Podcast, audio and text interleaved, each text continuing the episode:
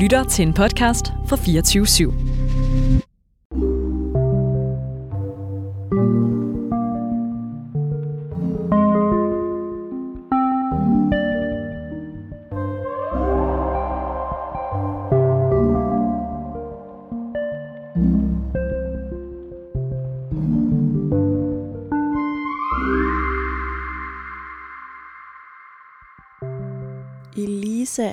Kristen og går i kirke om søndagen.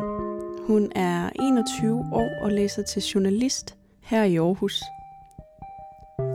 Hvad er det for nogle fordomme, vi har om at være meget kristen? Og er de altid rigtige? Jeg har haft Elisa på besøg, og hun har fortalt mig sin historie. Og så har vi talt om fordomme indenfor og uden for kirken. Du lytter til Stigma. Mit navn er Miriam Leander.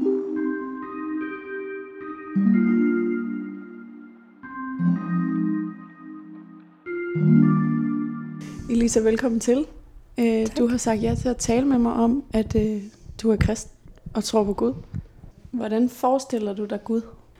Jeg tror ikke, jeg forestiller mig Gud så meget. Altså, Nej. det er ikke noget, jeg sådan går og tænker på rent konkret. Men jeg tror sådan, hvis det ikke skal være sådan fysisk, så tror jeg sådan, hvad skal man sige, psykisk eller åndeligt, at jeg forestiller mig Gud som en kærlig far eller kærlig mor.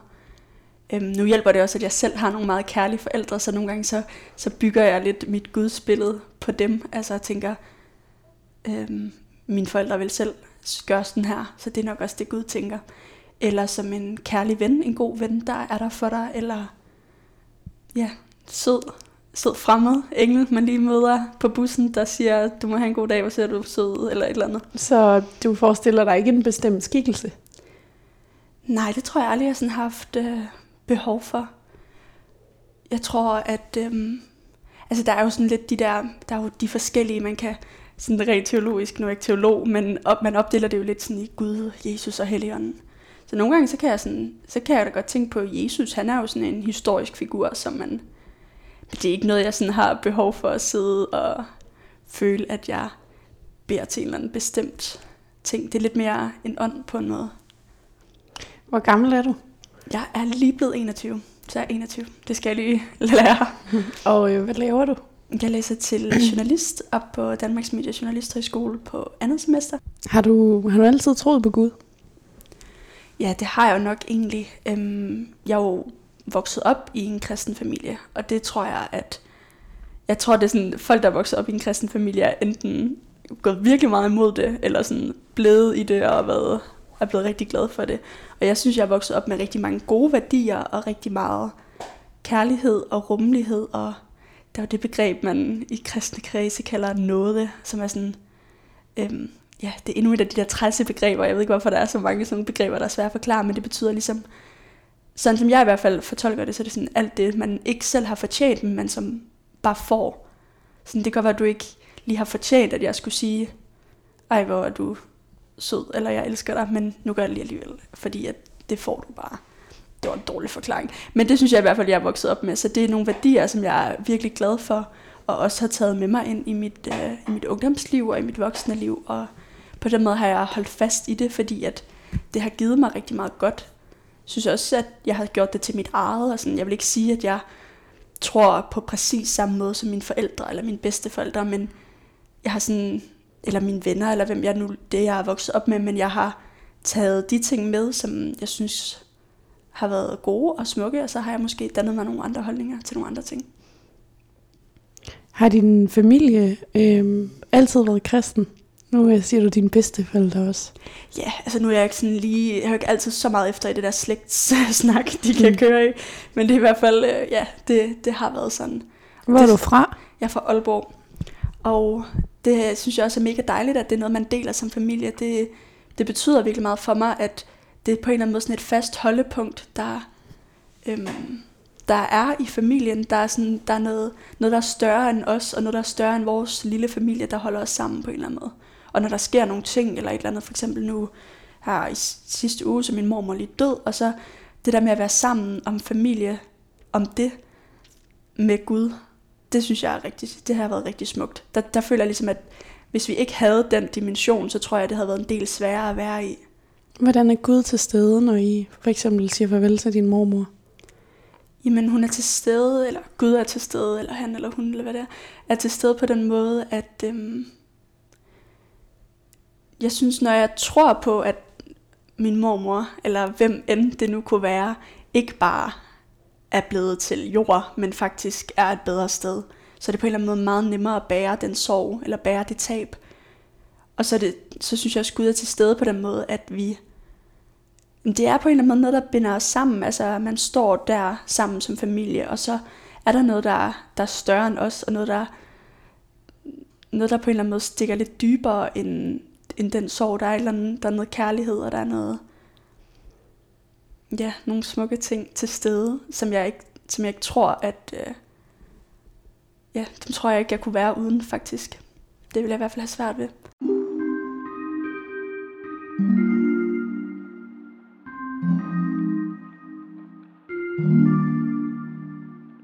Bær I til Gud i den situation?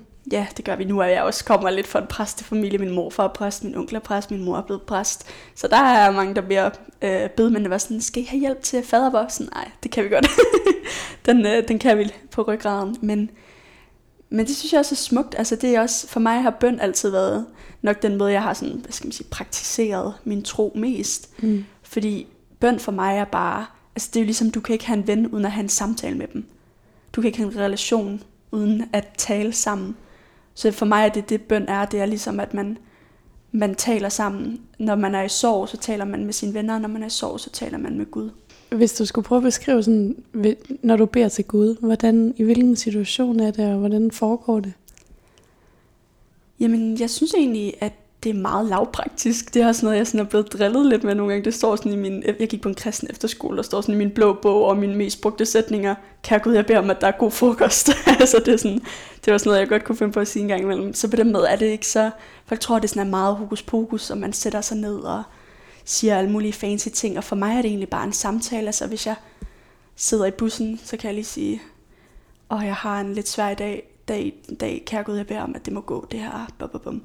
Eller hvis jeg lige kommer i tanke om øhm, noget, nogen jeg kender, som har det svært, så kan jeg lige, så i stedet for bare at tænke, når det var trist, så, så siger jeg lige for mig selv selvfølgelig, kan jeg gå ud, jeg beder for den her person, jeg beder om, at du må være sammen med dem, eller et eller andet. Så der er faktisk ikke noget bestemt tidspunkt, eller nogen Nej, bestemt måde? Ikke. Slet ikke. Det er, sådan, det er jo det er bare sådan, det er ligesom, hvad skal man sige, en normal relation, når, når det lige giver mening at tale sammen så taler man sammen. Jeg har sådan, en gang imellem kan jeg godt have nogle ritualer med at bære fast om aftenen, før jeg skal sove. Og det synes jeg også er dejligt nok, at der er noget. Men det er ikke sådan, at verden så går under, hvis, man, hvis jeg ikke gør det, eller glemmer det. Og altså, hvis jeg skal være ærlig, så er det jo også nogle gange noget, man bruger mere, eller jeg bruger mere, når tingene er lidt svære. Altså, så jeg øver mig lige også en gang imellem at sige tak Gud, fordi at det har været en god dag i dag. Hmm. Men hvad giver det dig at kunne tale med nogen eller noget? Mm, jeg tror, at det giver mig det, at jeg ikke er alene om det, jeg går i. Altså, det er, sådan, det er meget filosofisk på en eller anden måde, men man går jo bare lille mig rundt i min verden og har de, øh, hvad skal man sige, har de byrder at bære på, som man nogle gange har, har den historie, har den person med sig, som man er. Og så det der med at føle, at man ikke bærer det alene. Det er ligesom der står også i Bibelen et sted, nu den mest bibelkyndige, du kunne have hed herind, men jeg mener, at der står et sted, I må rette mig, hvis jeg tager fejl noget med, at man også skal bære hinandens byrder. Og det synes jeg også er meget smukt, det er det der med, at man, man ikke er alene om tingene. Og jeg tror, det giver mig også en, øh, en vis ro. Der er jo nogen, der vil mene, at det er sådan lidt en sutteklud, og der har jeg det sådan lidt, ja, og hvad så? Altså, alle mennesker har en eller anden form for sutteklud, så det kan være, at man går ud og ryger en smøg, eller så kan det være, at man drikker noget alkohol, eller så er der andre, der Altså, det er jo... Hvad ligger der i det med, at det er en sutteklub? Jamen, jeg tror, de har ment med det, at det på en eller anden måde er sådan... Øh, jamen, både lidt naivt at tro, øh, og tro på, at der er nogen, der vil en det godt, og som sidder deroppe i skyen og passer på en, og det er det da også på en eller anden måde. Øhm, og så tror jeg, at folk mener, at det er sådan, jamen, at det er lidt barnligt, fordi at, hvorfor skulle det være sådan, øh, verden er jo bare kemi og fysik og alt sådan ting. Det tror jeg også, det er. Altså, jeg er en af de der kristne, der ikke tror på videnskab. Det skal du ikke uh, quote mig for. Det tror jeg selvfølgelig også på. Men jeg tror da også, der er noget mere end det. Jeg, jeg synes, det ville være lidt kedeligt, hvis verden bare var fysik og kemi.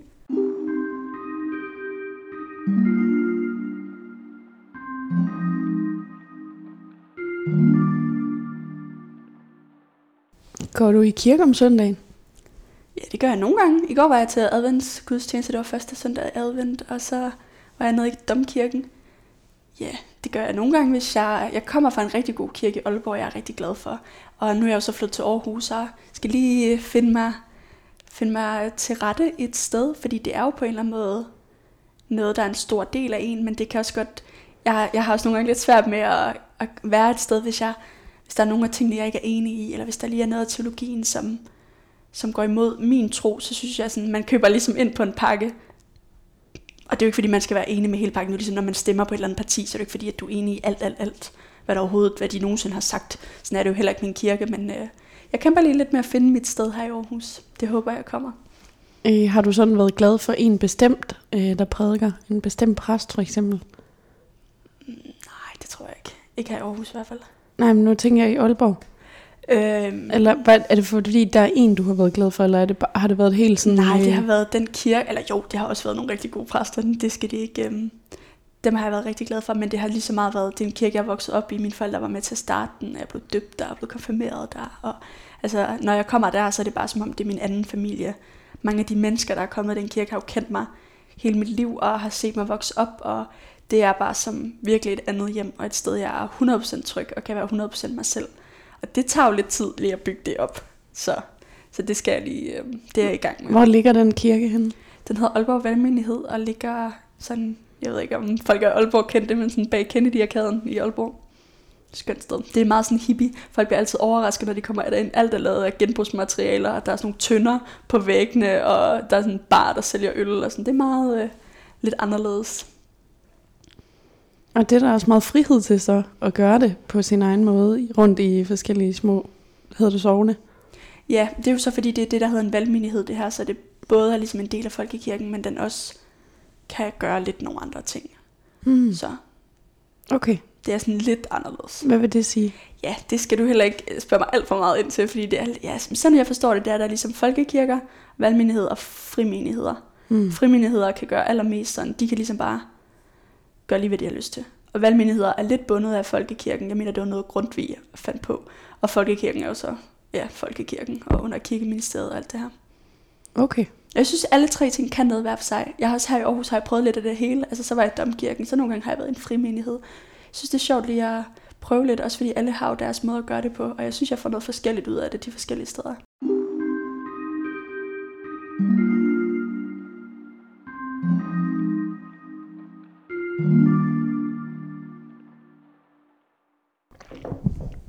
Nu var du til øh, gudstjeneste i går, første søndag i advent. Ja. Hvordan føles det for dig at være til gudstjeneste? Lige i går, der var, var jeg lidt presset, fordi det var, der var to dåb, og jeg sad bare, og der var så meget larm inde i den der domkirke, og jeg sad bare, kære Gud, giv mig noget tålmodighed.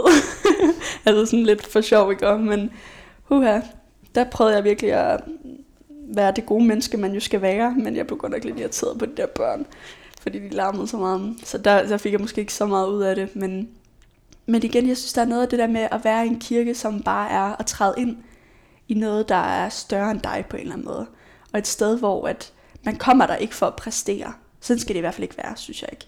Man kommer der ikke, fordi at man... Altså, hvil- sådan er det jo mange steder i samfundet. Du går jo steder hen for at præstere på arbejde, for at præstere i skole, for at præstere. Og mange af, din fritid, mange af mine fritidsinteresser handler også om at præstere. Jeg er, sådan, jeg er en person, der rigtig godt kan lide at præstere, faktisk. Men om søndagen, så er det der med at bare træde ind i et rum, hvor jeg bare kan være. Og der er nogen, der ligesom har skabt en oplevelse til mig, og der er noget... Altså jeg tror jo på, at Gud han også er der og gør... Altså det er sådan en pause på en eller anden måde. Det er sådan ligesom en times meditation, altså mindfulness, som jo er blevet så populært. Folk skulle prøve bare at gå i kirken gang imellem. Så kan man sige, at det er kedeligt, men ja, det er da så dejligt, hvor kedeligt det nogle gange er. Bare at sidde der og tage imod, det synes jeg er vildt skønt. Så det giver dig ro i hovedet at gå ud derfra?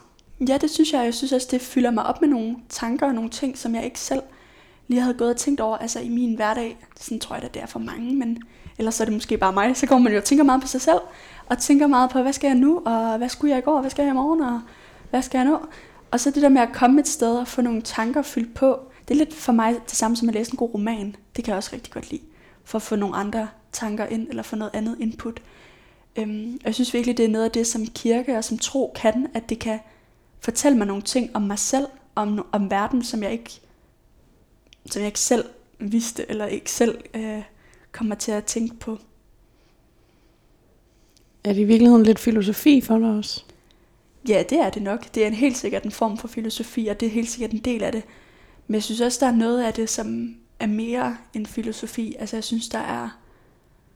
Øhm, altså det, man jo siger, heligånden, det lyder også så... Åh, så øh, på en eller anden måde irriterende ord. Det er så sådan hokus pokus-agtigt. Men jeg, jeg tror på, at der er noget, der er noget ånd, altså inden i mennesker, som har godt af at, at blive fyldt op af noget, der ikke bare lige er det jordiske, hvis man kan sige det sådan. Når du sådan tøver lidt med at bruge øh, ord som helligånd, og siger mm. det lidt hokus pokus-agtigt, hvad er det så, du er nervøs for, at folk tænker? Oh, jeg tror bare, jeg, altså det, det er både noget, jeg er nervøs for, at folk tænker, men det er også noget, jeg selv tit tænker, det der med, hvorfor skal det være så højpandet? Øhm, altså fordi, man kan jo godt, jeg kunne godt sidde her og sige, Guds nåde er ny hver morgen, og det har givet mig frelse. Og det tror jeg egentlig også på, men det er bare sådan lidt fjollet. Det er der jo ikke nogen, der ved, hvad det betyder. Og det er også... Øhm, jeg synes ikke, der er nogen grund til, at, at tro skal være så svært at snakke om. Fordi i virkeligheden, så burde det at være meget nemmere at tale om. Og det bliver jo ikke nemmere at tale om, hvis vi ikke har samme sprog for det. Øhm, så det er i hvert fald noget af det, jeg håber, sådan at kirker vil vil måske være bedre til at gøre det lidt nemmere tilgængeligt. Også folkekirken vil gøre det lidt nemmere tilgængeligt at gå i kirke. Bare sådan en ting, som man ikke ved, hvornår man skal rejse, og hvornår man skal sætte sig ned. Det er da en kæmpe indgangsbarriere. Jeg synes virkelig, man skulle være bedre til at gøre, man siger, at det der dørtærsklen til kirken skal være lav. Og det synes jeg virkelig er rigtigt. Altså at bruge et sprog, som folk forstår, og møde dem på deres præmisser, møde folk der, hvor de er i deres liv, og ikke sige sådan, nu skal I komme herhen, og så må du tage en ordbog med, hvis du skal kunne forstå, hvad der bliver sagt. Det synes jeg er noget bagl. Hvornår oplever du, at kirken virkelig er god til at tale et sprog for alle? Jamen det synes jeg faktisk, at folkekirken er blevet bedre til, vil jeg sige. Altså noget af alt det her med babysalmesang, der er blevet så populært, og der er nogle kirker, der laver yoga og midnatsrefleksioner og øhm, meget mere sådan noget. Altså det synes jeg er skønt. Jeg synes virkelig, at det er skønt, når kirken kan være sådan et sted, hvor at øhm, man bare kan være til, og man bare kan øhm, blive mødt som den man er, og måske også få, altså få lov, og der er sådan noget fællesskab, der er virkelig smukt i det. Så det, det vil jeg i hvert fald ønske, at man brugte det lidt mere til. Det jeg heller ikke altid selv så god til. Men at det var sådan et sted, man gik hen og, og hang ud. Jeg ved ikke, om man kan gøre det sådan. Det synes jeg i hvert fald kunne være fedt.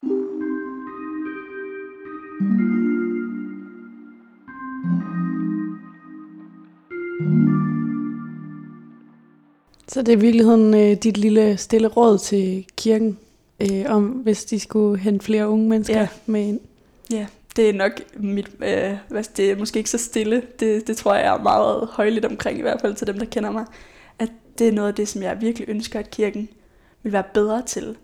Og også være bedre til at forstå, hvad der fylder for de unge. Altså, jeg synes, kirken skulle være meget bedre til at ture til at snakke om køn og seksualitet og seksualundervisning og hvad, hvad ved jeg, alle de der ting, som der nu går og fylder for unge mennesker, det er sådan, det burde kirken også facilitere et rum for. Ikke fordi, at de skal diktere, hvad man skal mene, eller fordi, at der skal være en eller anden, sådan her skal du være, eller sådan her skal du se ud, før du må komme ind, men mere bare sådan for at have de der eksistentielle snakke, fordi at jeg synes bare generelt, også som mennesker, vi, skulle, vi skal være bedre til at tale om alle de der ting. Og det er som om, at nogle gange også det at tale om tro bliver sådan lidt et tabu. Det synes jeg er mega ærgerligt. Jeg øver mig virkelig i, hvis jeg får en ny klasse, eller hvis jeg får nogle nye venner, bare være sådan her, når jeg er forresten, så tror jeg på Gud, og det, det er bare sådan der, eller sådan, det er ikke så hokus pokus, som man skulle tro, det, det er meget lavpraktisk, og vil du høre lidt om det? Hvordan, og, hvordan reagerer folk, når du siger det? Jamen, meget blandet. Jeg synes faktisk, jeg får mange, sådan, der siger, at det er da spændende, og det er da fedt. Men jeg kan godt nogle gange være lidt bange for, om folk tror, jeg siger det for, sådan, fordi jeg vil bestemme, hvad de... Altså, jeg siger det aldrig nogensinde, fordi at det skal være sådan her, og det skal du også. Eller hej, skal vi være venner, så kan du komme med i kirke. Altså det er virkelig ikke det, jeg mener med det. Men jeg synes bare, at på en eller anden måde, så burde det jo at være nemmere at, at tale om de her ting. Jeg synes nogle gange, så oplever jeg, at folks øhm, skyder mig lidt nogle ting i skoene, som jeg ikke har sagt. Altså hvis jeg siger, jeg er kristen, så hører de automatisk nogle ting, som jeg ikke siger. Og, og det hvad kan, er det for nogle fordomme? Jamen, tror, altså det kan eksempel tror, være, at øh, nå, det må nok betyde, at du ikke kan lide homoseksuel, eller det må nok betyde, at du er meget konservativ, eller det må nok betyde, at du øh, kun vil jamen, alle sådan nogle ting, du ikke drikker alkohol, og sådan, altså jeg, det har jeg tit hørt, nå, men ja, vi var der til fest i går, så sådan, ja, og hvad så? Øhm, og hvis jeg skal være lidt grov, så tror jeg faktisk, jeg synes, at mange af de ting, vi får skudt i skoene, er også nogle kirken er lidt selv udenom. Så det er ikke fordi, at jeg synes, at det er så mærkeligt, at folk tror det, fordi at, altså, det er lidt selvforskyldt nogle gange. Man har jo mødt øh, nogen, hvor at de ting passer. Præcis, præcis. Og det, jeg har mødt mange mennesker, hvor de ja. ting passer. Og det er også det er helt okay, de må mene, hvad de vil. Men, men jeg er ikke enig. og så kan det godt nogle gange være lidt sådan... Det er også noget af det, der nogle gange kan gøre det svært at tale om. Så jeg kan godt sådan, næsten komme til at give for mange disclaimer med. Så siger jeg sådan, Nå, men ja, jeg tror også på Gud. Men altså bare roligt, du skal ikke tro, at jeg er et eller andet, øh, altså sådan, ja, mener et eller andet. Men det er fordi, at når du siger, at jeg tror på Gud, så ligger der noget i den pakke, i folks forestilling om, hvad det vil sige. Ja, det synes jeg, der gør.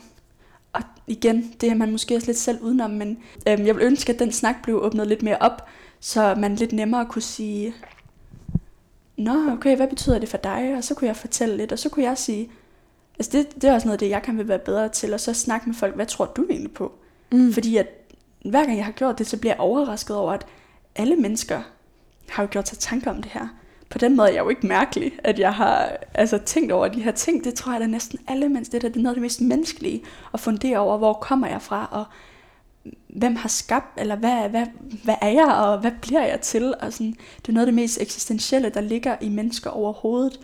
Øhm, og jeg oplever også tit, at når jeg taler med folk om de her ting, så finder jeg ud af, wow, der er så mange spændende tanker, folk har gjort sig, som så kan det godt være, at de siger, at jeg tror ikke på Gud. Og så siger de, men jeg tror da, der er et eller andet mellem himmel og mm. jord. Jeg tror da også, man kommer Der er mange, der svarer, jeg tror, der er mere end det, vi kan se. Ja, helt vildt mange. Og sådan, det er også derfor, jeg nogle gange kan blive så mega sur over den der... Øhm, der er sådan nogen, der laver sådan en distinktion. Så er der de kristne, og så er der de ikke kristne. Og det synes jeg bare er så forkert. Fordi at, altså hvem bestemmer det? Er det så lige... Altså, der er der så mange mennesker, som siger, de ikke måske nødvendigvis Oplever er kristne, men så beder de en bøn, når du taler om det, at folk er berøringsangste. Og så er det sådan, hvem er jeg til at stå og dømme din tro? Måske begge dele.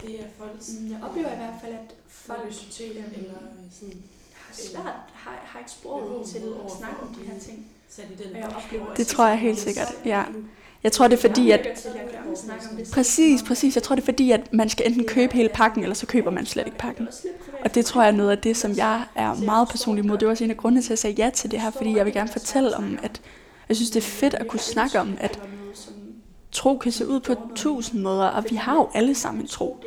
Altså jeg tror næsten, det er mest spændende, hvis du kunne finde et menneske, der sagde, jeg har aldrig nogensinde tænkt over det her, jeg, jeg tror ikke på noget som helst, og jeg ikke, har aldrig nogensinde skænket det en tanke. Altså det menneske tror jeg næsten ikke findes. Øhm, det gælder bare om at ture og tale om, hvad er det egentlig, du tror på, og hvorfor er det egentlig, at du tror på, på det, du gør. De måske ikke tror på, at det er det, der fikser det. Men, men de ved jo, at det er noget, der betyder noget for mig. Så for mig er det også en kæmpe ja. kærlighedserklæring mm. til folk, der kan bede for dem. Det, det er jo den måde, jeg kåber med ting. Tror du ikke på nogen? Ja. Og der har også været mange gange, hvor jeg har lyst til at sige det, eller hvor jeg faktisk har bedt for folk, men jeg ikke turde sige det, fordi det kan bryde så øh, der virkelig er crazy for Mm. Så det skal, jeg skal selv være bedre. Og det er også øh, det er sådan en proces for mig. Øh, I en eller anden forstand. Jamen, det er da også en rar følelse, tror jeg, for det. Altså, for det at vide. Fordi selvom man, man ikke tror... Jamen, det er jo et godt spørgsmål. Så hvis I virkeligheden du tror, kirken og du gør det for mig, så vil det jo stadig være en gestus. Ikke fordi, at man bare skal tage Det tror jeg, du skal tænke. Det også være noget, der ikke, at jeg skal blande mig altså, i det. tror jeg, du skal tænke, folk bliver glade for at høre. skal sige, nu skal vi stå og lave alle mulige uh. ting inde i kirken, som ikke hører til i kirken. Det er ikke det, jeg siger. Øhm. Men i virkeligheden, folks spirituelle nysgerrighed, der stammer fra eller andet sted af, at jeg har nogle spørgsmål, som jeg afsøger svar på, dem burde kirken jo virkelig rumme. Øhm, men jeg forstår godt, jeg forstår virkelig godt, hvis folk ikke tør, eller ikke tør, det lyder så negativt, men har lyst til at sige ja til hele den pakke. Fordi det kan godt være voldsomt. Og der kan helt sikkert også, jeg har også mødt kristne, som, som dømte mig for, at jeg tænkte noget andet, end de gjorde. Og det kan da godt være voldsomt, men jeg tror bare, at jeg er rimelig... Altså for mig så gør det... Altså, det betyder noget for mig, at det her kristne også har en tradition. Og også har noget fundament, det bygger på. Og har noget historie, som jeg ikke synes, jeg har fundet i det spirituelle. Jeg synes, der er nogle spørgsmål, som jeg ikke får svar på i den spirituelle verden, som Gud giver mig.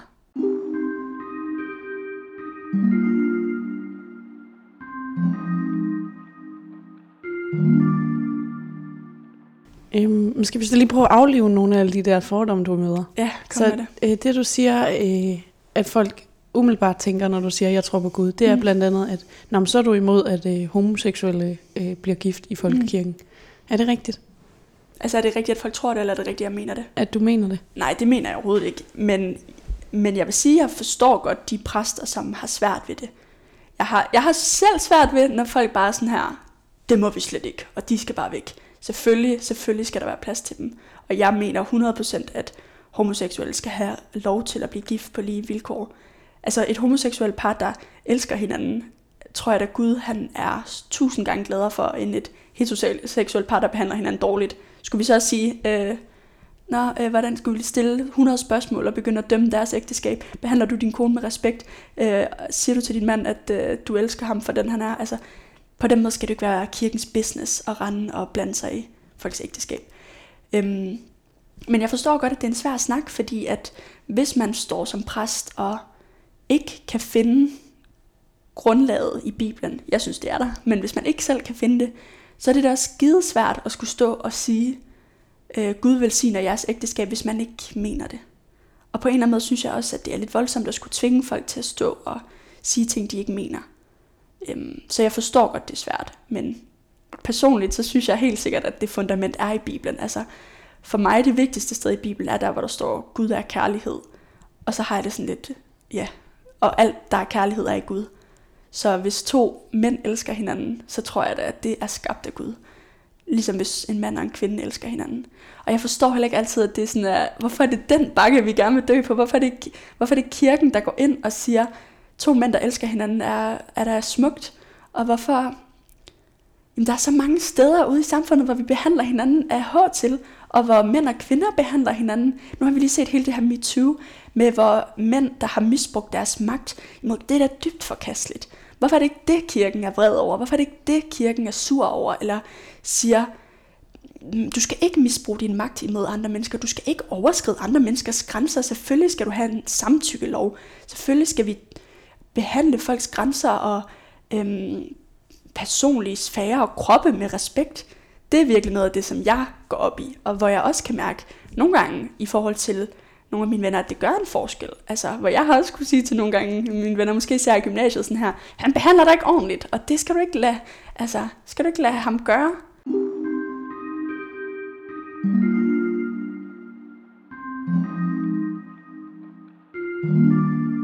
Men er du modstander af abort? Nej, oh, altså, jeg er, jeg er 100% hvad hedder det, fortaler for, at folks eget valg er folks eget valg.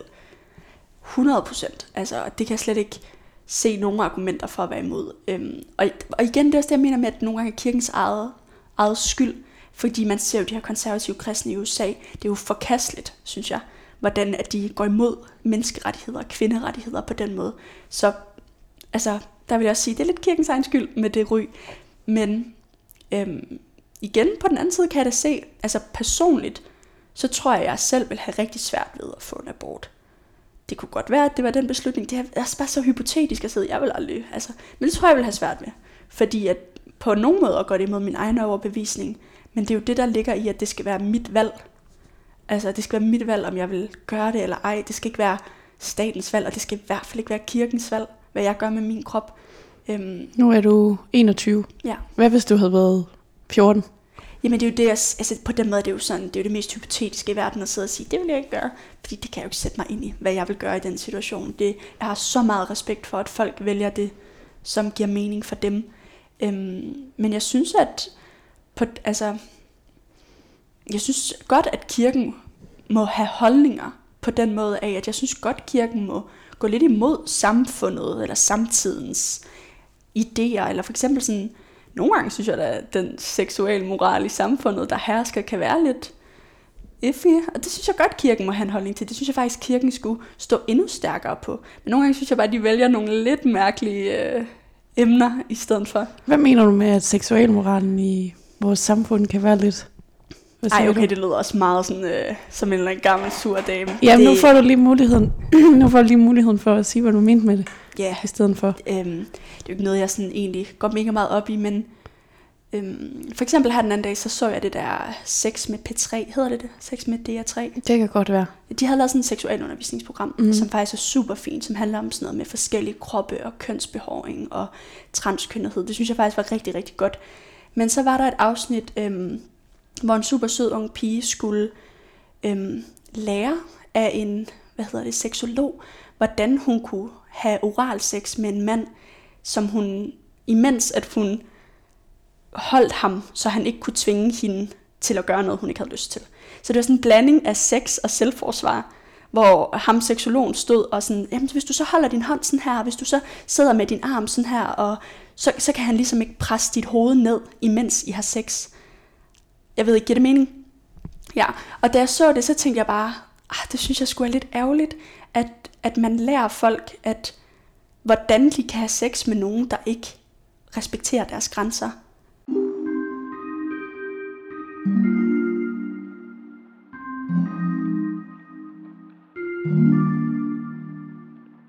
Sex for ægteskab, er det noget, du har regler om?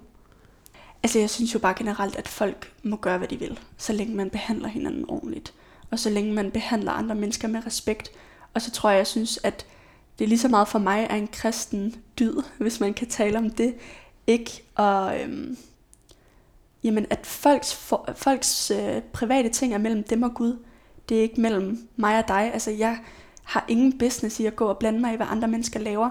Men, men det har, det tror jeg Gud har. Og så så må han have styr på det. Hvis jeg skal rende rundt og lege politimand, så vil jeg da ikke lave andet. Så det gider jeg ikke bruge min tid på.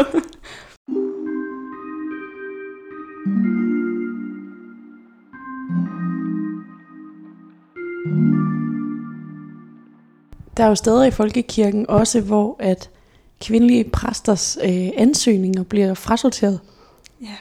Og det er øh, altså sådan lov, øh, lovmæssigt øh, okay, at, Ja. øh, at der er sovne, der vælger at gøre det. Mm. Hvad mener du om det?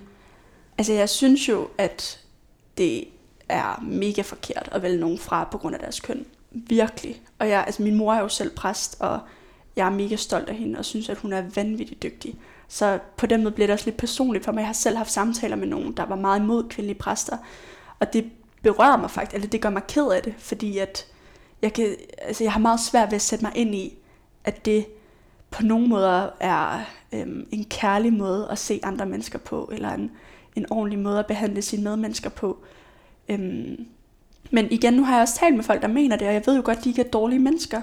Og jeg ved jo godt, at min mor, hun siger altid, hun er så sød, hun siger altid, du skal huske, de også er skabt og elsket af Gud. Og så er jeg sådan, ja, det ved jeg godt, men nu er jeg sur. øhm, at de skal jo have lov at mene, hvad de vil, men jeg synes, at det er vildt fjollet, at kirken må have lov at diskriminere sådan rent lovmæssigt. Det synes jeg ikke giver nogen mening, men man kommer aldrig til at kunne Altså, så hvis vi fjerner den paragraf, så vil folk jo gøre det alligevel, så på den måde er det også lidt åndssvagt.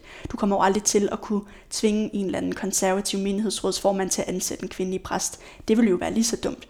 Man skal jo hverken tvinge folk den ene vej eller den anden vej. Og hvis jeg var kvindelig præst, ville jeg da heller ikke have lyst til at arbejde et sted, hvor at det var tvunget igennem, eller hvor jeg var en eller anden kønskvote, men måske ikke følte mig særlig tryg eller sat pris på.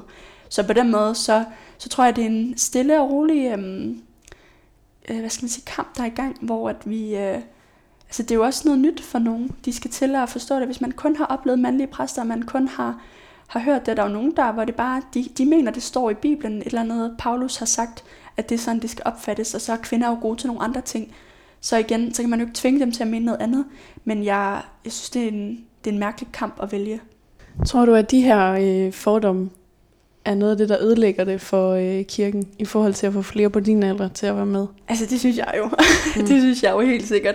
Og det er også derfor, at det er noget af det, som jeg øhm, personligt går og kæmper lidt for. At, at der er flere unge, der skal tale om det her, fordi jeg kender jo vildt mange, der har det ligesom mig. Alle mine kristne veninder er enige med mig. Alt det her, jeg lige har sagt. Okay, ikke alle, alle, alle, men langt størstedelen. Så sådan, det er jo, altså... Tror du, der er øhm, flest, der er enige med de gamle konservative øh, værdier, der bekræfter fordommene? Eller tror du, der er flest ligesom dig? Oh, det synes jeg er et svært spørgsmål. Også igen, fordi jeg ikke vil sige, hvem der er kristne, og hvem der ikke er kristne, og altså, hvad folk lige render og mener. Men jeg kender også rigtig mange, som er enige med de der konservative ting, og igen, det er også nogle mennesker, jeg holder af, og de er jo ikke dårlige mennesker overhovedet, vi er bare uenige. Det er jo ligesom, hvis man stemmer på den ene side af midteren, så er det ikke fordi, eller den anden side, så er det ikke fordi, at man er dårligt menneske, man er bare uenig. Og jeg synes bare, det vigtigste er, at vi kan turde tale om de her ting. Jeg bliver så ked af det, når snakkene bliver lukket ned på forhånd. Altså for eksempel det med homoseksualitet. Det kan nogle gange være så betændt, at vi ikke engang tør snakke om det. Og det synes jeg er dybt forkasteligt. Altså så vil jeg meget hellere, at man tog snakken. At man turde at være ærlig og, og komme ind på, hvad det var, man lige synes var svært, og hvad det var, der var på den ene side eller på den anden side. Så, så jeg synes i hvert fald, at vi skal være bedre til at turde snakke om de svære ting, også indbyrdes. Fordi Så der, det er sådan inden for folkekirken faktisk, eller inden ja, for inden kirken? for hele kirken generelt, fordi der er jo mange forskellige retninger. Der er jo alt muligt indre mission og luthersk mission. Og jeg er lidt medlem af noget, der hedder OASE. Jeg er lidt, ja, det er sådan lidt en bevægelse, det er ikke så meget en retning. Men, øhm, og man er jo mega uenig på mange af de måder, og man kan også være vildt uenig. Øhm, altså nu gik jeg på en højskole for eksempel, hvor vi var mega uenige om, hvor meget alkohol der må blive drukket. Og det er jo svært at være uenig, og det er svært at tage de snakke, men jeg tror også, det er nødvendigt. Øhm, ja, men jeg tror da helt sikkert, at det er noget af det, der gør, at folk har svært ved, for eksempel, der kan jo sidde nogen derude, der måske tænker, ej, det kan da godt være, jeg tror på Gud, det kan godt være, jeg vil komme i kirke, men jeg, jeg er ikke enig med de her ting, eller jeg mener ikke det her, det her, så jeg, jeg tør engang at møde op, og det er bare det, jeg vil synes var allermest ærgerligt. Og så synes jeg også bare, at vi skal huske virkelig at tale til, til hinanden med respekt, og med nysgerrighed, og med kærlighed, fordi at øhm, man ændrer også holdning hele tiden. Jeg har også ændret holdning på de her emner. Altså fordi at jeg også er vokset op i noget, der var lidt anderledes. Måske jeg har været på nogle lejre, der var lidt mere konservative. Så har jeg tænkt, Nå, okay, øh, det de siger er nok rigtigt, og så mener jeg det. Og så når jeg er blevet ældre, har jeg dannet mig en anden holdning. Så på den måde kan man heller ikke gå og dømme hinandens holdninger. Altså, eller gå og være, øhm, være sur på hinanden over, at man er uenig, fordi alle folk er jo også i en eller anden proces. Når du så øh, taler om for, de fordomme, der kan være med Mm. folk udefra, hvordan oplever du så, at de tager imod det? Mm. Altså jeg oplever, at folk tit bliver positivt overrasket, fordi at de ikke regnede med, at det var sådan, det var, når, man, når jeg siger samtidig, at jeg er kristen. Men øhm, så på den måde er det jo meget dejligt. Men jeg, men jeg synes også, at der skal være plads til, at folk mener forskellige ting. Øhm, og jeg skal også nogle gange måske være bedre til ikke altid at sætte alle de der disclaimers på med det samme, fordi at ja, folk må på en eller anden måde tro, hvad de vil, og så må de jo tale med mig om det og finde ud af, hvad det er, jeg egentlig mener. Men jeg tror bare generelt, at vi skal være bedre til ikke at sætte hinanden ned i alle mulige kasser. Det er ligesom, hvis der er nogen, der siger, jeg kan godt lide heste, så sætter jeg dem også ned i en eller anden hestebikasse. Det skal man også lade være med. Folk kan da kunne lide heste på tusind måder. Okay, det var et meget dårligt eksempel, men du ved, hvad jeg mener. Altså, eller hvis folk siger, at jeg er et eller andet andet, så... Altså, jeg tror da, det er meget på en eller anden måde sværere i Danmark at sige, at man er muslim. Jeg kender der mange, jeg har mange veninder, som er muslimer, som, som oplever mange flere voldsomme fordomme. Så på den måde er, at de fordomme, kristne mennesker oplever jo ingenting. Men har I måske noget til fælles i de fordomme, I bliver mødt af, når man er meget troende? Ja, det tror jeg. Øhm, der er helt sikkert nogle ting i det der med bare at tro på noget, som der er lidt en fordom omkring. Igen, at det kan være lidt sådan, det er lidt en svag måde at gøre det på. Det er lidt en sutteklød. Det er lidt, øh, hvis man ikke har, så har man ikke sat sig ind i, hvordan verden fungerer. Du har bare taget, især når man siger, at jeg også kommer fra en kristen familie, så er det sådan, Nå, du har bare taget din forældres tro, og du har slet ikke tænkt dig om. Så er jeg sådan her, jamen, eller jo, det har jeg da. Og du er sikkert også ateist, ligesom dine forældre, så på den måde, så er vi jo rimelig meget det samme sted, kan man sige. Øhm, så der vil jeg da ønske, at folk var lidt mere nysgerrige, men, men ja. Hvad med noget i forhold til det der med, når så er der de her regler, eller så gør I tingene på den her måde? Tror du også, der er, en- I har noget til fælles, der er dine muslimske veninder? At øh, folk udefra tænker, Nå, men så er der nogle regler, der følger med din tro, og så er du nok Ja, sådan og sådan, og sikkert. gør tingene sådan ja, og sådan. helt sikkert. Men i virkeligheden, så synes jeg jo, de regler, der er, nu er det det, man snakker meget om, fordi det er let at tage fat i. Mm. Øhm, og det er også let at altså, tage fat i her, men i virkeligheden så er de der regler, eller hvad man må og hvad man ikke må, og hvad man lige synes, det er jo det mindst spændende ved det. Altså, det er jo det mindst øh, sådan... Det er jo det mindst spændende ved et andet menneske, hvor meget alkohol de drikker. Det er jo mega ligegyldigt. Det er jo det mindst spændende ved et andet menneske, om de har sex med folk eller ej. Altså, kunne da ikke være mere ligeglad. Det må de da fuldstændig selv om. Øhm, og jeg håber at de tænker det samme om mig. Jeg tror da, altså på den måde, så synes jeg også, at vi skal være bedre til at gå lidt ned under det. Det kan i hvert fald tit være, for mig har jeg oplevet rigtig mange gange, at folk er meget interesserede i den del. Det vil de meget gerne høre om. Og stiller faktisk også nogle gange nogle meget, meget private spørgsmål. Altså, i virkeligheden så vil jeg ønske, at man kom lidt ned under det der, hvad man lige må. Og hvad Så man vi tør godt at spørge, øh, må man have sex for ægteskab, men Ja. vi tør ikke at spørge, hvad vil det sige at tro på Gud? Ja, og det er så sjovt igen med vores samfund. Man, kan, man tør sagtens at spørge ind til folks sexliv, men der er ikke nogen, der tør at spørge, hvad, hvad tror du, der sker, når vi dør? Altså, det er på en eller anden måde meget mere grænseoverskridende. Men er det ikke rigtigt? Det er, sådan, det er meget nemmere at tale om sex og alkohol og altså alt muligt. Og det er det, folk er interesseret i. Men jeg oplever sjældent, at folk egentlig er sådan særlig interesseret i, hvad det er egentlig er, jeg tror på, og hvorfor. Og jeg elsker, når folk er det, fordi jeg elsker at tale om det. Og jeg, jeg synes jo virkelig, det er meningsfuldt. Så, så det vil jeg da... Men det er jo, jeg kender det jo også godt. Jeg synes det også, det er svært at spørge ind til de private ting med folk. Altså, på den måde, så vil folk nok heller ikke overskride mine grænser alt for meget, men det er bare sjovt, hvad grænserne lige er.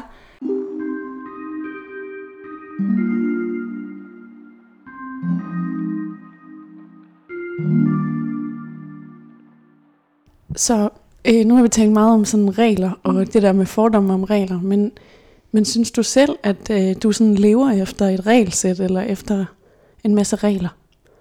Nej, jeg synes ikke, jeg lever efter et regelsæt overhovedet. Men jeg synes, jeg lever efter et værdisæt.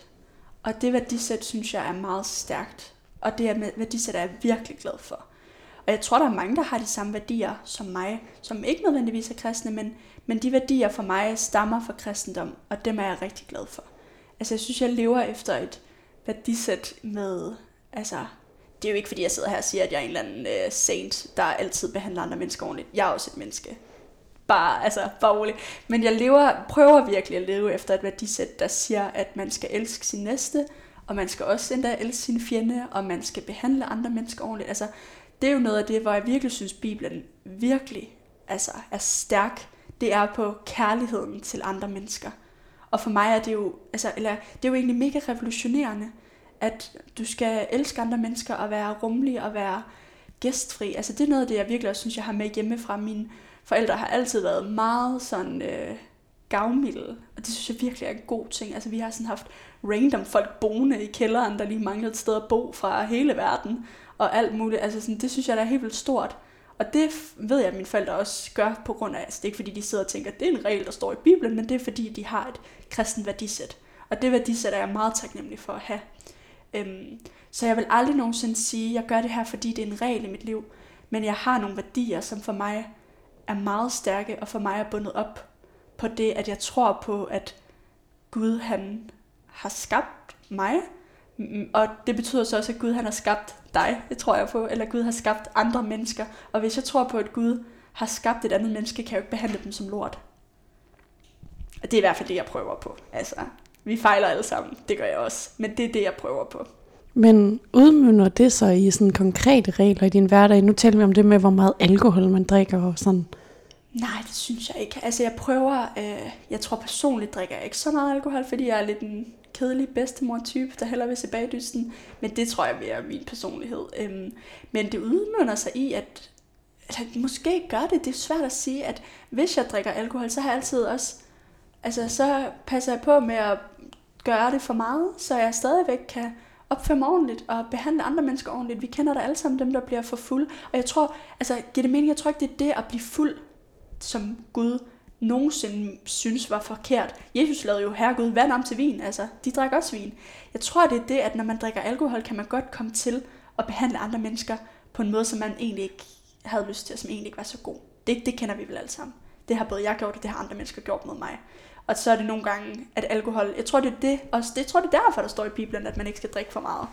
Så jeg tror ikke, det er alkoholen i sig selv, der er dårlig. Og det samme tror jeg egentlig, for eksempel det der med, at man siger, mm, måske det er ikke så godt at have en hel masse sex med en hel masse random mennesker. Jeg tror ikke, det er selve det at have sex, hvis det er på en kærlig og ordentlig måde. Jeg tror, det er det, at hvis du, altså, du kan komme til at gøre det på en måde, der, hvor, du, hvor du overskrider folks grænser, eller hvor du måske gør, at der er en, der bliver forelsket i dig, så smutter du bare videre til den næste, og, og sådan, på den måde, så er der nogle mennesker, der bliver såret. Jeg tror, jeg tror hele tiden i hvert fald, at jeg tror, Gud han bekymrer sig om, om vi har det godt.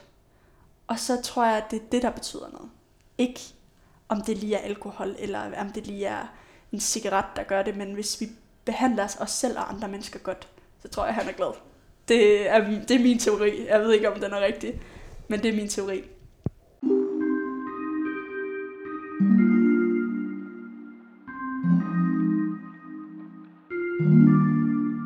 Når du siger, at Gud har skabt dig og mig ja. og det hele, får du så også øh, det spørgsmål tilbage nogle gange, at øh, hvordan kan der så være krig og død og ødelæggelse i verden?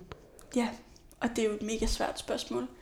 Øhm, men først og fremmest vil jeg lige sige, at jeg tror virkelig for mig, at det er det, er det som kristendom giver mig, som intet andet, altså spiritualitet og åndelighed, ikke kan gøre, fordi at det med forskellen på, om man er tilfældig fysik eller kemi, der nu engang er blevet, om jeg er en tilfældig sædklat, eller om jeg er skabt, det synes jeg gør en kæmpe forskel i mit selvbillede. Øhm, det synes jeg virkelig gør, at jeg ser på mig selv med meget kærligere øjne, og ser på mig selv med meget mere øhm, mild, mildhed. Og det tror jeg er noget, som der er mange mennesker, der kunne have godt af. Fordi at hvis man bare er en eller anden tilfældig ting her i verden, der skal kæmpe for sit værd, så skal man da godt nok kæmpe meget. Så skal man godt nok kæmpe hårdt for at leve op til alle de idealer, der er, for at leve op til alle de normer og regler, som samfundet jo også har. Men hvis man er skabt, fordi at der er en, der sad derop og tænkte, jeg mangler lige præcis Elisa i den her verden. Så er kristendom et af mange svar på menneskers følelse af meningsløshed? Det kan godt være, det er det, men for mig tror jeg bare, at det er det rigtige svar. Det er det, der har kunne give mig mest ro og mest svar på alle de spørgsmål, som, som jeg har, og det er det, der har givet mest mening. Men nu glemmer jeg helt at svare på det der andet spørgsmål, fordi at jeg blev lidt kort op i det her. Men det er virkelig noget, der betyder noget for mig. Det er noget af det, der fylder meget i min hverdag. At hvis jeg, man går og kan blive sur, ah, det er også for dumt, at du fik fire i den opgave, lige så så kan jeg bagefter tænke, Nå, det er fint, Gud elsker mig, Gud skabte mig, whatever. Eller, du ved, det er ikke så nemt altid, men det er ligesom den Men du husker dig selv på, at du er god nok i, at du er her. Ja, jeg er god nok bare fordi jeg er mig. Mm. Jeg er god nok fordi, at, øh, og det jeg skal på den her jord, det er at være mig. Det er ikke at opnå en masse mål og krav og regler. Det er at være mig. Men i forhold til det der med, hvorfor der så er krig og ulykkelige ting i verden og sygdom, altså, det synes jeg jo også er svært at forstå. Noget af det, som min kloge mor, hun synes, jeg har lært mig, det er, den, eller sådan, hun siger nogle gange, jamen altså, at Gud han græder også med os. Og han er også ked af det over det. Så, altså sådan, så kan man sige, det er dumt, når han selv har skabt det, men det er jo et eller andet skabelsesteori med, at så bed Adam og Eva i æblet, og så er vi ikke længere i himlen, og så er vi på jorden. Og... Men for mig giver det mening at tro på, at Mm, jeg synes, der er noget smukt over, at hvis Gud han er almægtig, og hvis Gud han kan gøre alt, så har han givet slip på os mennesker, så vi er her på jorden. Og jorden er så øhm, fuld af sygdom, og fuld af krig, og fuld af skidt ting. Men vi er frie, og vi har friheden til at vælge Gud til eller fra. I stedet for, at Gud har tvunget os til at være i paradis sammen med ham. Det er det, jeg tror. Så han har ikke alt ansvar for alt, hvad der sker her på jorden? Mm, nej, det tror jeg ikke. Altså, jeg tror ikke, jeg tror ikke på det der med, at det var Guds plan. Det tror jeg ikke på. Og det er jo lidt dumt, fordi nogle gange siger man det, når ting går godt, men når det var Guds plan, og når det så går dårligt, så siger man, at det var ikke Guds plan. Og det, det er jo åndssvagt. Men, men jeg, det tror jeg ikke. Men du altså, tror ikke, at tingene er forudbestemt? Nej, overhovedet ikke. Slet, slet ikke. Jeg tror, at vi som mennesker har fuldstændig autonomi og frihed til at være de mennesker, til at vælge Gud til eller fra, til at gøre dummeste ting, og så få tilgivelse bagefter. Og til at gøre de dummeste ting igen, og så få tilgivelse igen bagefter. Og det synes jeg er smukt. Altså, jeg synes, det ville være svært at være i en religion, hvor jeg vidste lige meget, hvad jeg gjorde fra eller til. Lige meget, hvad jeg gjorde på den her jord, så havde Gud besluttet sig for, hvad der skulle ske med mig. Så er man jo ikke et menneske, så har man jo ikke frihed. Så er man jo en marionetdukke. Så helt grundlæggende, så er din tro, hvis man skærer ind til benet, at Gud elsker dig uanset hvad. Ja, det er det. Betingelsesløst. Og altså, at Jesus han, okay, sætningen Jesus døde på vores, for vores sønder igen lyder så højpandet, men at, men at alle de ting, som, som der kunne have været galt med mig, alle de fejl, som jeg nu engang har lavet, er betyder ikke noget, fordi at dem har tog Jesus. Ja, det tror jeg faktisk på, selvom det lyder sindssygt.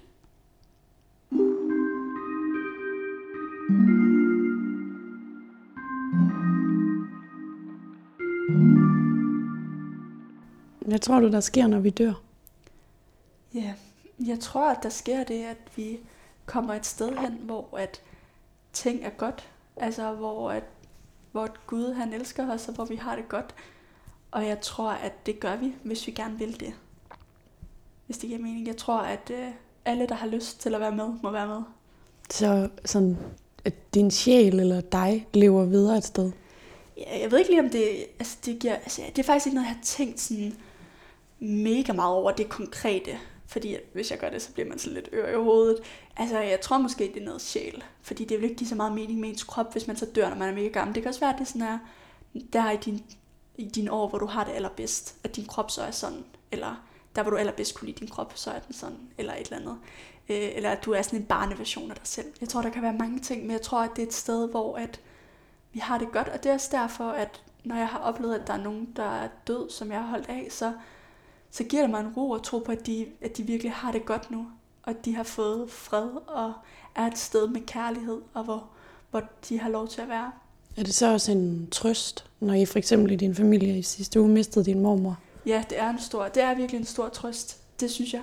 Og det er en, også, altså, det gør jo, at man samtidig er ked af det, men også glad, fordi at jeg virkelig tror på, at hun er et godt sted nu.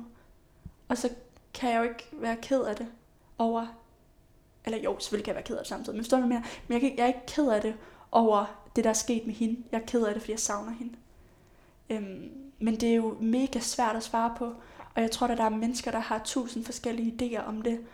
Og, øhm, jeg synes i hvert fald, at hele det der snak med helvede, det skal stoppes. Altså, det, det gider jeg slet ikke. Mm. Og også sådan gå ind i på en det. Jeg vil gerne gå ind i det, men det synes jeg er åndssvagt at bruge det som et argument for nogle ting jeg tror virkelig, at vi øhm, får lov at få fred. Alle sammen? Ja, det tror jeg, hvis man gerne vil det. Altså som sagt, som jeg sagde før, jeg tror ikke Gud tvinger os til noget. Så hvis du står på den sidste dag og siger, fuck nej, jeg skal bare ikke i himlen, så tror jeg ikke, han tvinger dig. Men det kan jeg i hvert fald ikke lige se argumentet for, at man vil sige.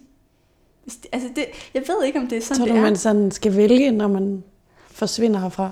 Mm, jeg tror i hvert fald, at man skal vælge det fra hvis man ikke vil med til det sjov. Ej, det lyder åndssvagt. Men, men jeg tror, at der, der Tror du, der er federe på den anden side, end der er her? Ja, det tror jeg. Jeg tror ikke, der er krig i Ukraine på den anden side. Eller klimaforandringer, eller noget som helst. Og det er ikke fordi, at jeg synes, der er også ligesom nogle bestemte kristne, som synes, at himlen er bare alt, og vi skal bare gå og vente på himlen, når jorden er forfærdelig. Altså det her med, at jorden er ond, og himlen er god. Sådan har jeg det overhovedet. Jeg synes også, at jorden er jo smuk og vidunderlig og skabt af Gud, og vi skal passe på den. Og vi har en opgave her på jorden i at være til stede for vores medmennesker og for vores planet og alle de her ting. Og jeg synes, at jorden er kun smukkere, fordi Gud har skabt den. Men jeg tror, det bliver endnu smukkere på den anden side. Tror du, vi kommer tilbage til jorden som engle sådan, og på besøg og sådan noget? Hmm, det ved jeg ikke. Det giver jo ikke så meget mening på en eller anden måde. Må de bare komme lige, når de vil, og så kan, de, kan man sidde der Hej, så var der lige besøg. Men jeg, altså, der står et eller andet sted i Bibelen, at det er den, den nye jord og den nye himmel. Så måske er det sådan, ligesom noget, man kender. Altså jeg tror ikke bare, man er sådan en ånd, der ligger i et badekar. Måske får man lov at læse gode bøger og bage boller og hygge sig og se bagdysen. Nu kan du høre, hvor kedeligt liv jeg har. Det er de ting, jeg drømmer om på, i himlen. Men det kan da være, at man bare hygger sig med de ting. Men jeg ved ikke, om jeg tror på engle. Det kan godt være det er ikke noget, der fylder så meget i hvert fald for mig. Vi mennesker, vi har det jo med at have ret svært ved at tale om død. Ja. Og gøre det mest, når den er tæt på, eller vi lige har oplevet den, eller mm. øh, at vi er i kontakt med den på en eller anden måde. Øhm, tror du, at øh, fortællingen om, at der er en himmel, at det er i virkeligheden sådan en, så kan vi nemmere forholde os til døden? Mm, det kan da godt være, egentlig. Jeg tror i hvert fald, at mm, mange af de her ting, der er svære at snakke om, det er nogle af dem, som kirken faktisk er rigtig god til at snakke om. Og sådan, nogle gange, så, så vil jeg da også opfordre folk til, hvis man sidder derude som ung og har problemer, eller oplever stress eller angst eller noget som helst, så du, altså, hvis der er langt, der er jo lang ventetid til psykologen, prøv at tale med en præst om det. præster og kirken er faktisk rigtig dygtige, rigtig, rigtig dygtige til, når livet gør ondt, og når livet er svært, øhm, fordi at det er meget af det, som det handler om. Og det er meget af det, som Bibelen faktisk også handler om, og som hele historien om Jesus handlede om. Øhm, så det, det vil jeg da ønske, at man brugte noget mere. Det burde jeg da også egentlig selv bruge noget mere, men det gør jeg jo så på min egen måde. Øhm, så jeg tror, at, at kirken og tro på en eller anden måde giver os et sprog for nogle af de ting, som, som vi ikke taler om i vores hverdag, og som kan være næsten lidt tabu, men også bare svære emner. Altså, jeg synes, at jeg har oplevet det mange gange, at der har været nogen tæt på mig, der har mistet en. Og så, altså så folk snakker ligesom om det et par dage, og så efter det, så er det bare sådan, så er det bare business as usual. Vi er ikke så gode til det med at dvæle, dvæle ved sorgen, eller dvæle ved det svære, dvæle ved alle de der spørgsmål, som man har. Så vil vi bare hellere snakke om, hvad du fik til frokost på en eller anden måde. Tror du det er, fordi det gør for ondt at tale om? Hvis man ikke køber ind på, at der er noget på den anden side? Ja, det kan faktisk godt være. Det har jeg faktisk aldrig tænkt over på den måde. Jeg havde mere tænkt, at det var fordi, at folk ikke havde sproget for det. Eller at det måske er, det er meget sårbart på en eller anden måde. Det synes jeg da også. Jeg synes også, det er sårbart at sidde her og fortælle om de ting, jeg tror på. Det ville da være mærkeligt, hvis det ikke var. Øhm, og fordi man sætter sig på en eller anden måde også i en position, hvor folk kan, jamen, kan se nogle ting, der er svære. Vi er ikke altid så gode til at vise vores sårbare sider måske. Men, men det synes jeg da, at vi skal være bedre til. Er der noget, du gerne vil sige her til sidst? Noget, du har på hjertet? Jeg tror, jeg vil sige, at, at jeg vil håbe, at folk vil være mere åbne til at tale om tro. Både hvis I ikke tror, og hvis I tror. Hvis I tror på lidt, eller på meget, eller tror lidt eller meget. Altså, i hvert fald at tage snakken med nogle af de folk, som du holder af, og nogle af de folk, som du stoler på. Øhm, selvfølgelig skal man måske ikke plastre det ud til alle på Tinder, men alligevel sådan, tag det med folk, som du er, som du er trygge ved at fortrolige med. Og måske prøve at give det en chance at, øh, at bruge kirken, hvis man mangler noget mindfulness. Eller nu er det jo snart jul. Nu er det snart jul. Det er et skønt tidspunkt at gøre det på. Lidt en julespecial, det her. Altså bruge det rum øh, og de ting, som det kan. Og så også det der med bare at være åbne og nysgerrige over for hinanden, og ikke Øhm, sådan gælder det jo med mange ting i livet, og det er også noget af det, jeg synes, den her podcast kan, det der med ikke altid at tænke i pakkeløsninger. Hvis du har sagt A, så har du også sagt B, D, C og E, øhm, men mere at være åbne over for folk, der synes noget andet end dig. Ja, det tror jeg var det. Elisa, tusind tak, fordi du havde lyst til at være med. Ja, tusind tak, fordi jeg måtte være med.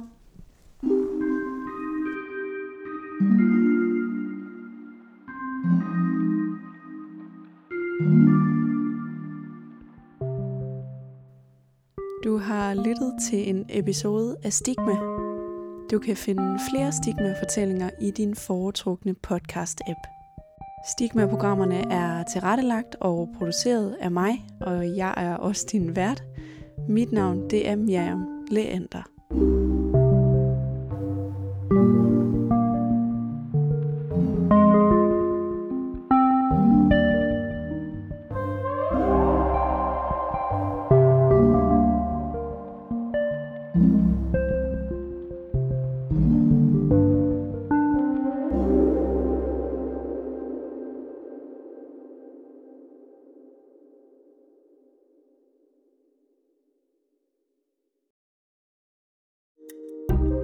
Kære lytter, du har lyttet til et program fra 24 /7. Du kan finde meget mere modig, nysgerrig og magtkritisk taleradio på 24 7 appen Hent den i App Store og Google Play.